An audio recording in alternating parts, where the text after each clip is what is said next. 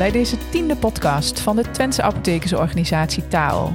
TAO bestaat uit 70 apotheken waar 125 apothekers werken met in totaal 700 medewerkers.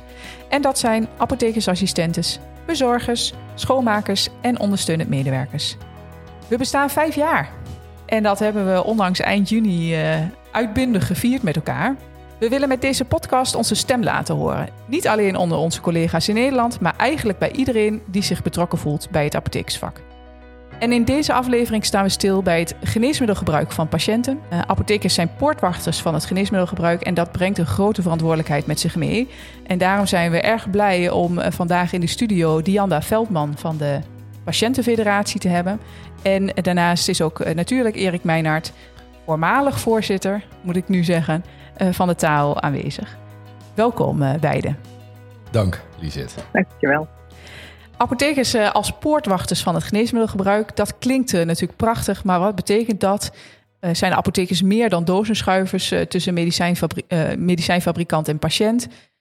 ik zei het al bij ons in de studio aan de telefoon is Dianda Veldman van de Patiëntenfederatie. Welkom Dianda, speciaal dat jij hier bij ons aanwezig wilt zijn.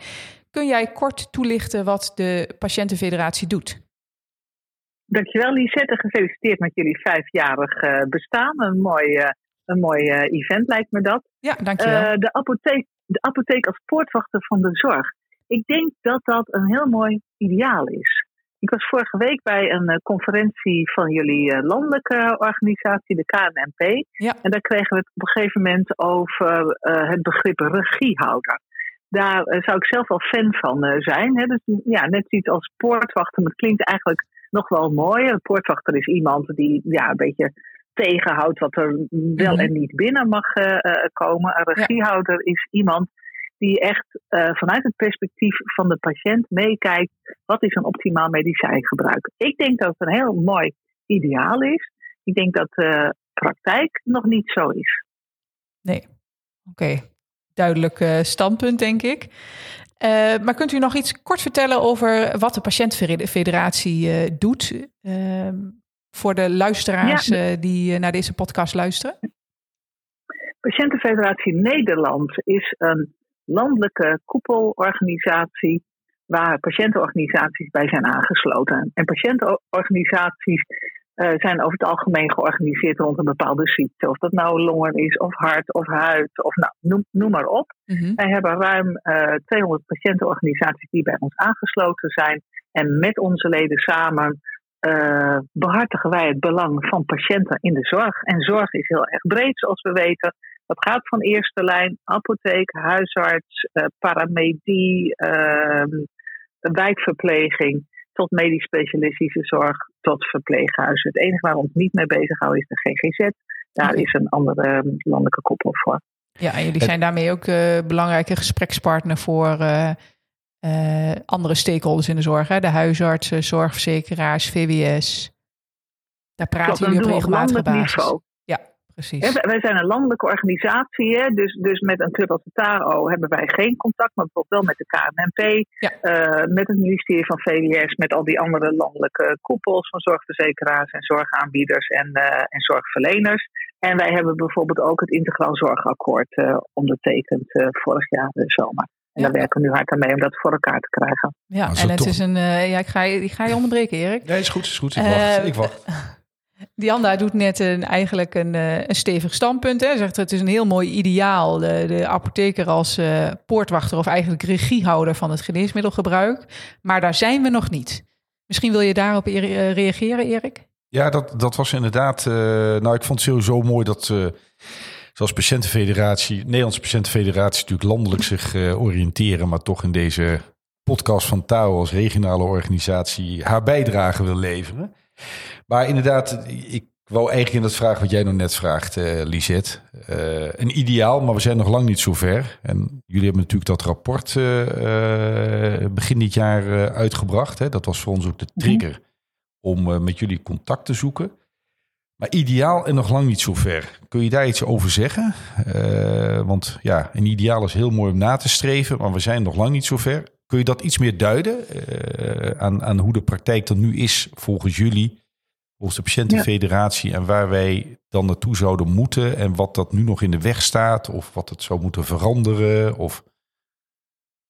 Ja, ehm, ik, ik, denk dat de, de apotheker in de basis, uh, dan heb ik het over de openbare apotheek, twee soorten rollen heeft. De, uh, de ene is de ja, de distributie- en de leveringsrol. de, de, doosjes en flesjes over de toonbank. En de andere is de zorgverlenersrol. De gemiddelde burger, patiënt, ziet natuurlijk de apotheker dan wel de apotheek, vooral als de plek waar je je pillen haalt. Mhm. En mhm. waar de meisjes achter de balie ehm, soms nog wat vertellen. En waar je dan dat verhandstellingstarief moet voor moeten betalen. De, de gemiddelde patiënt die weet ook echt niet wie de apotheker uh, uh, in dat gebouwtje uh, is. Dus de gemiddelde patiënt merkt denk ik weinig van die zorgverlenersrol. Ik hoop dat het anders is bij mensen die veel intensiever medicijngebruik hebben. En ik denk dat er ook best veel verschillen zijn tussen apothekers in de mate waarin ze die zorgverlenersrol op zich nemen. Ja, ja. En, en, dat onderzoek waar Erik net aan refereert, we hebben inderdaad in ons uh, panel, er zitten uh, ongeveer 22.000 patiënten in die we regelmatig allerlei vragenlijsten voorleggen. We hebben dit jaar een vragenlijst gedaan over met name onder mensen die veel en langdurig medicijnen gebruiken. We hebben hen gevraagd van, praat je daar wel eens over met je voorschrijver of je, of je apotheker? En nou, dan blijkt gelukkig dat het bij de meerderheid wel gebeurt, maar dat bij één op de zes uh, mensen eigenlijk dat, dat nooit een onderwerp van gesprek is. En nou, daar zijn wij toen mee naar buiten gekomen, want dat vinden we toch wel zorgwekkend. ik zeg altijd, medicijnen zijn geen snoepjes. het is belangrijk dat er regelmatig aandacht aan wordt besteed. Ja. ja, en dat zijn één op de zes genees, chronische geneesmiddelgebruikers. Hè? Dus dat zijn niet de mensen die ja, langdurig, eenmalig een langdurig gebruikers. Nee, gewoon één keer een hoestdrank of zo. Uh, daar gaat die, die, die zijn daar niet meegenomen. En het, uiteindelijk is dat artikel natuurlijk gepubliceerd. Hè? Het staat ook op jullie website. En er zijn een aantal aanbevelingen die jullie daar ook in doen. dat artikel is vervolgens ook overgenomen door landelijke media. en het grappige wat ik daaraan vond, of eigenlijk vond ik het iets minder grappig, is dat als je kijkt naar jullie stuk, dan staat er aan het eind een, een, een hele duidelijke oproep voor apothekers om die rol te pakken. Hè, en, en, en waarom die apotheker dat zou uh, kunnen en moeten doen. Maar als je naar de landelijke media kijkt, dan uh, werd daarin uh, in opgenomen dat patiënten dan maar jaarlijks naar hun huisarts moesten om, ja. voor die medicatiecheck. Uh, in plaats van uh, de geneesmiddeldeskundige bij uitstek, namelijk de apotheker enig idee hoe dat beeld dan ontstaat en hoe we dat beeld zouden kunnen kenteren? Want schijnbaar als er dan dat artikel gelezen wordt en het wordt overgenomen, dan wordt dat direct gekoppeld aan de huisarts. Terwijl wij als apothekers natuurlijk, in ieder geval laat ik, het, laat ik over Twente spreken, maar ik weet zeker dat het landelijk ook zo is. Wij denken, ja, als het over geneesmiddelgebruik gaat, dan zul je, he, ga dan naar je apotheker toe. Hoe ontstaat dat beeld en hoe kunnen we dat, uh, kunnen we dat veranderen? Ja, kijk, ik denk als het gaat over medicijngebruik, dan heb je eigenlijk met een. Uh, uh, uh, heb je met drie partijen te maken. Heb je met de, de, de mens met een aandoening die medicijnen gebruikt te maken. Je hebt met de voorschrijver te maken, een huisarts of een medisch specialist mm-hmm. is dat meestal. En je hebt met degene die levert en adviseert te maken. Ik denk dat, dat het beeld in Nederland is dat het vooral de voorschrijvers zijn. En er wordt er toch vaak naar de huisarts gekeken die bepalen welke medicijnen er uh, gebruikt worden. En uh, uh, dat men het dan logisch vindt dat dat gesprek plaatsvindt. Wij zeggen overigens ook niet dat je niet met je voorschrijver erover moet praten. wat we eigenlijk het liefst zouden willen, dat dat een soort, ik zou bijna zeggen, een soort tripartite gesprek is. En dat, dat hoeft misschien niet allemaal fysiek op hetzelfde moment. Mm -hmm. Maar het zou wel goed zijn als de apotheker, de voorschrijver met elkaar contact hebben over dat medicijngebruik. En, en, misschien is het ook wel per regio of per situatie verschillend waar het accent ligt. Wat wij in elk geval zeggen is, de apotheker kan daar een veel grotere rol in uh, hebben. Maar, ja, nee, dat hoor ik. En ik denk ook zeker dat dat zo is. Maar ik heb voor mezelf even een paar dingen opgeschreven. Want jij begon over die twee rollen die wij hebben. En dat sluit je wel op aan. En dan zeg je ook, ja, men haalt dan iets in die apotheek. Dan zie ik een mooie terminologie. Dat mij, de meisjes, dat het, ik vind wel een mooie benadering. Ja, dat is heel seksistisch. Maar ja, dat, nee, daarom. Dat, zo, ja, zo ik als- mensen het Ik, wel. ik, ja. ik, ja, nee, ik, ik zeg het maar even als man dan. Ik neem het nu op voor de apotheeksassistenten. Ehm, en wie is dan die apotheker? Ehm, we hebben ook onlangs eh, een podcast gehad over vijf jaar Tao. En hebben toch met elkaar eh, gezien en besproken wat we allemaal bereikt hebben in die jaren. En los van die vijf jaar Tao zie je dat apothekers zich eigenlijk al heel lang toch ook mee, middels het farmacotherapeutisch overleg, het FTO, eh, op vele manieren die arts ondersteunen bij voorschrijven van geneesmiddelen en voorlichting aan de patiënt. Dat gebeurt denk ik vaak in stilte. Ik zeg vaak over onze beroepsgroep, wie zijn werk in stilte goed doet, lijkt al snel overbodig. Apothekers zijn minder extrovert om te laten zien wat ze allemaal doen en wat ze allemaal regelen. Nou, als ik nu kijk, daar hebben we het vaker over, eh, over de geneesmiddelentekorten en de rol die de apotheker daar neemt in eh, het eh, vinden van het vervangende middel. Want het tekort gaan we echt even niet oplossen. En de regie die die apotheker daarin neemt. En zeker praat ik voor Twente, maar niet alleen in Twente. Ik weet dat ik, eh, ik ben ook landelijk nog eh, actief eh, namens alle regio's. Er zijn veel regio's waar ze dit nou zo georganiseerd hebben. Bij de regie bij die apotheker ligt. En denk ik, ja, dat doen we ook weer heel erg goed. We claimen het niet, maar we doen het weer heel erg goed. En ja, ik denk dat daar ook wel een beetje het manco zit. Dat, dat de luisteraar niet nu het beeld heeft dat de apotheker hier nog veel meer in moet doen. Ik denk dat we ons nog veel zichtbaarder moeten maken. En dat zou een Ja. oproep aan mijn collega's zijn. Hè, want de opmerking, men weet niet wie die apotheker is in die apotheek. Ja, die trek ik mij ook wel aan. Maar dat zou onze beroepsgroep ook aan moeten trekken. Zeker. Dat ze zich nadrukkelijk moeten... Maar ik wil alleen maar zeggen, volgens mij gebeurt er wel veel meer... dan we misschien op dit moment nu denken. En ik denk persoonlijk, maar ik weet niet hoe jij daarnaar kijkt, Diana... dat die huisarts echt geen tijd heeft om naast het stellen van de diagnose... het komen tot het voorschrijven ook nog eens heel veel tijd heeft...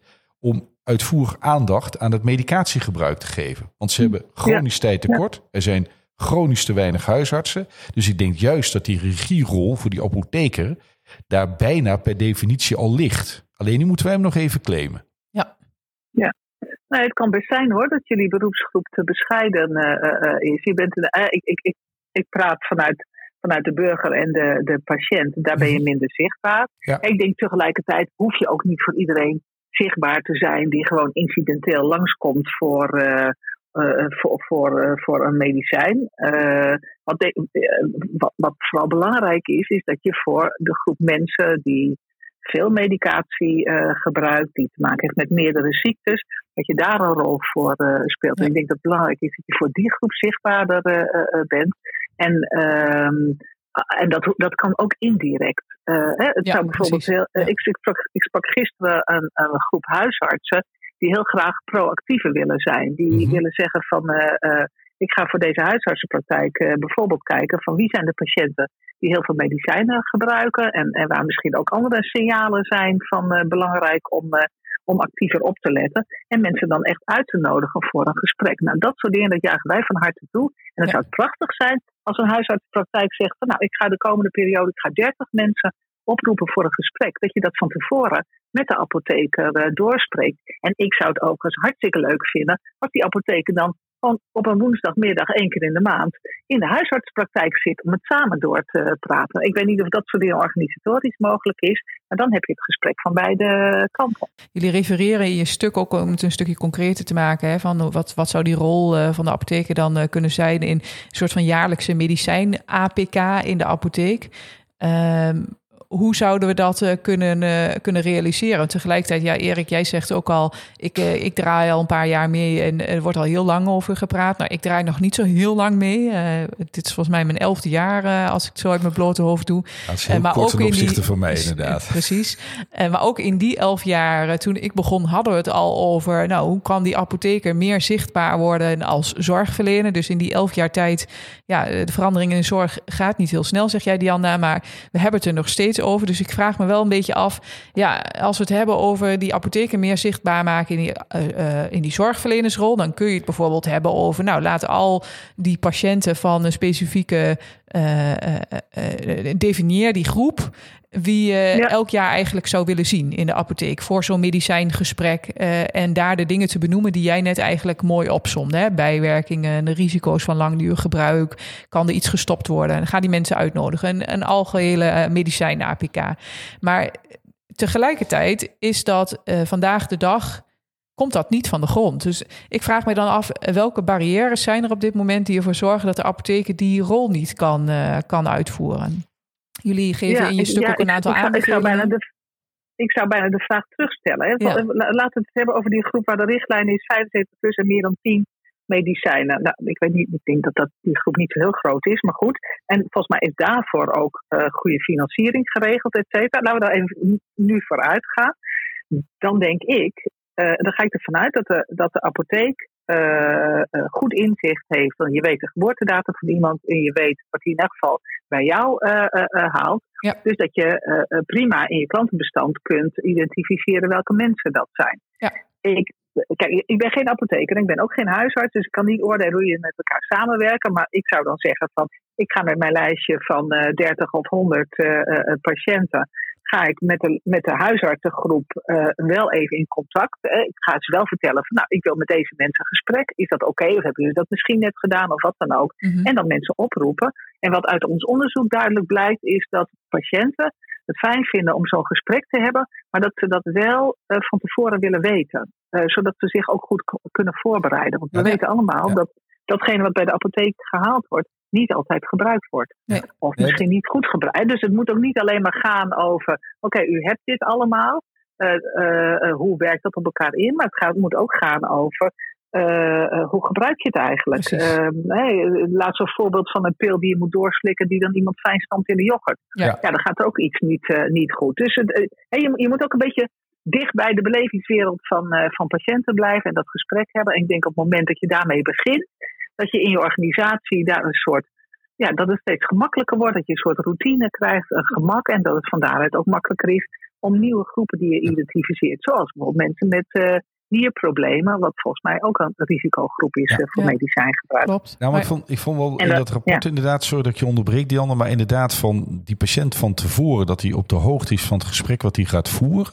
Dat vond ik, ja, dat misschien vond ik toch wel even een eye-opener. Want wat er zorgverleners veel last van hebben. Niet alleen apothekers, maar ook artsen. We zenden graag. We zenden graag over het onderwerp. Waarbij die patiënt in ik heel veel informatie krijgt en thuis komt en jeetje, wat is mij allemaal verteld of wat is mij overkomen. Dus ik vond het wel een, ik vond het wel een hele leuke die volgens mij juist die apotheker als regiehouder op dat dossier heel erg kan versterken. Want je zegt het zelf al, we hebben die patiënt in beeld, we hebben die overzicht. Dus je kunt als voorbereiding op het gesprek, zowel met die patiënt als die huisarts in de voorbereiding het gesprek aangaan en dat dan vervolgens als apotheker bij die patiënt uiteindelijk brengen. Daar hoeft die huisarts helemaal niet bij te zitten. Daar heeft hij ook helemaal geen tijd voor. Dat hebben we al samen vastgesteld. Dus dat vond ik wel een leuke. Dat is denk ik in de medicatiereviews ja, gebeurt dat is, niet altijd. Ik vind het ook hartstikke mooi omschreven allemaal. Maar misschien een beetje flauw om te zeggen. Het is niet heel veel nieuws. Want, uh, nee, maar het moet wel gebeuren. Exact. Nee, nee, exact. Nou, en dat is wat, waar ik eigenlijk naartoe wil. Waarom gebeurt het nou niet, Erik? Waarom, waarom, zoals we het nu omschrijven, nou, waarom pakken we allemaal die rol niet door die 1300 nou, patiënten uit te nodigen? Een, paar redenen, wat mij betreft een paar redenen. Ik ben ook maar een apotheker. Ik moet het trouwens iets nuanceren, hè? want er zijn wel degelijk collega's die patiënten uitnodigen. Dus dat moet er wel als een side note bij zetten. Dat is in stilte goed. Maar waarom... Uh, uh, nou, het, zit, het zit hem volgens mij in het feit, een stukje zelfkritiek op de beroepsgroep zelf. Uh, die ander zegt het ook al, maar dat dat relativeer ik ook gelijk weer naar andere beroepsgroepen. Daar heb je ook mensen die uh, uitmuntend goed zijn in bepaalde ziektebeelden. En bij sommige, voor andere ziektebeelden moet je niet bij die betreffende persoon komen, omdat hij er minder kennis van heeft. Ook die differentiatie hebben wij binnen de apotheken.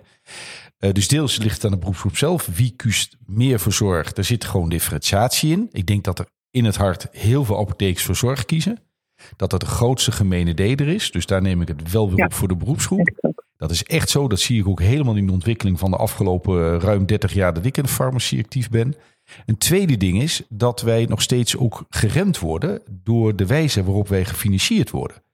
En uh, je ziet in projecten waar medicatiereviews uh, opgepakt worden, ook met verzekeraars, ze onmiddellijk ze maximaliseren. Je mag er niet zoveel meer doen dan zoveel per jaar. Of je moet het doen bij die groep, we hadden het net al over, die 75-plusser. Terwijl ik denk, misschien moeten we het eerder gaan doen. Bij een lager gebruik van een aantal middelen. Om die kritische review. En dan kun je zeggen, ja, waarom doe je dat nu al niet? Dat klopt. Uh, maar ik denk wel, als je het financiert, maak de distributievergoeding lager. En vergroot de zorgvergoeding.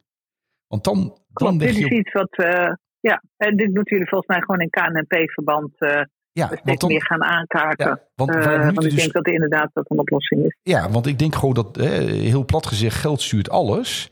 Uh, we leveren al zorg, maar we worden deels geremd door de financiering van het leveren van die zorg. En de distributievergoeding kun je wat mij betreft uh, iets verlagen als je de zorgvergoeding maar vergroot dan wordt de prikkel groter. En dan ben je ook gelijk af van dat hele gedoe over uh, dat verschil met online farmacie en lokale. Je zegt het zelf, Diane, lokaal, regionaal. Daar ligt de kracht van de zorg. Die wordt deels gefrustreerd door landelijk levende partijen. Niet alleen als het gaat om geneesmiddelen, maar in meerdere podcasts is de hele problematiek om kunst- en hulpmiddelen ook al vaak aan de orde geweest. Wat de eerste lijn lokaal, regionaal frustreert. Dus vergroot die zorgcomponent in de financiering. Verlaag die vergoeding voor de distributiecomponent. En dan dan gaat vanzelf, als ik het zo mag zeggen, kaf van het koor is wat negatief. Maar dan komt ook die zorgprofilering, die apotheken veel beter naar boven. En heel belangrijk, laten we dat zorgdeel even buiten het eigen risico houden. Ja, ja. nou mooie ideeën. Ik denk dat we en dan deze... ga je ook naar een, uh, ja, dan ga je naar een situatie toe dat in de toekomst de patiënt ook weet wie haar of zijn apotheker is. Ja. Want dat is natuurlijk nu niet uh, zo. Ja. Ik, ik noem toch even een voorbeeld uit mijn eigen omgeving van hoe dat dan, uh, hoe dat dan uh, uh, gaat. Mijn schoonvader, ik geloof hij al 30 jaar medicijnen gebruikt, heeft ooit een hartinfarct gehad. En op een gegeven moment werd hij steeds magerder en magerder. Nou, al, allemaal doorgelicht in het ziekenhuis, nou, niks, niks te zien. Ehm, ik zei maar steeds, ga nou eens een keer praten over je medicijngebruik. Is, heb je dit nog wel nodig? kan het zijn dat daar bijwerkingen zitten of wat dan ook? En dan gaat hij naar de huisarts. En die zegt van nou nee meneer, want uh, uh, laat het nou maar gewoon zo houden, want je weet maar nooit uh, wat er anders gebeurt, et cetera. Dus ik weet, ik weet niet hoe het zou zijn geweest als hij bij de apotheek was geweest. Mm -hmm. Maar er zit natuurlijk ook een angst voor gedoe. Ja, zeker. of dan moet ik iemand meer in de gaten houden, ja. wat dan ook. Terwijl ik denk dat je nou vanuit de zorgverlenersrol. Ja. Iemand is stabiel. maar wat, wat je natuurlijk ook krijgt op een gegeven moment, dit oude mensen worden, dan kan, dan kan de verhouding tussen de werking en de bijwerking wel eens gaan omkeren. Mm -hmm. ja. uh, ik, ik, weet helemaal niet of dat gewichtsverlies nou daarvan uh, kwam, of dat algehele ouderdom was, of een nog niet ontdekte ziekte. Maar ik denk van ja, uh, dit is de groep waar het over, over ja. gaat. Da daar moet je vanuit het zorgperspectief gewoon wel een keer naar kijken. En levert dat misschien gedoe op op korte termijn. Maar als het goed is, op langere termijn voorkom je ook dat het erger wordt. Ja. Nou, er zijn mooie, mooie ideeën opgeworpen uh, hoe we de drempels kunnen wegnemen of de barrières kunnen wegnemen om daar uiteindelijk te komen. Ik stel voor dat we die meenemen naar onze volgende podcast, want dan zitten we met een van de financiers uh, om tafel. We zijn alweer bijna door de tijd heen, dus ik wil eigenlijk nog even aandacht geven aan de rubriek die we altijd op het eind voeren. Dat is de rubriek De Onverwachte, Dianda. En daarin mag Erik altijd toch nog een onverwachte vraag stellen of een visie delen, een actualiteit delen. Um, om vervolgens op te reageren. Dus uh, Erik, ga je gang. Nou, ik heb uh, volgende vraag of benadering voor jou, uh, Diana. we hebben het de hele tijd over, en nu niet in deze podcast, maar zorgbreed. Hè, is ook een maatschappelijke discussie, dat de zorg onbetaalbaar dreigt te worden. En dat we hem anders moeten inrichten. We hebben het net ook al over gehad. Uh, jullie zijn een, de Nederlandse Patiëntenfederatie. Dat is gericht op ziektebeelden. Maar ik heb de heilige overtuiging, en het klinkt een beetje kerkelijk dit, maar ik ben er zeer van overtuigd, laat ik het dan zo zeggen, dat wij de zorg betaalbaar kunnen houden als we de instroom gaan beperken. En dat wil zeggen dat we in de nulde lijn de mensen uh, bewuster moeten maken. En je noemde net zelf al even leefstijl. Van welke dingen er allemaal zouden kunnen gebeuren als ze in positieve zin dit en dit doen. Hoe kijken jullie daar tegenaan? En dan hebben we natuurlijk een zorgverzekeraar polis. We hebben een solidariteitsprincipe. En dan maak ik hem even heel concreet.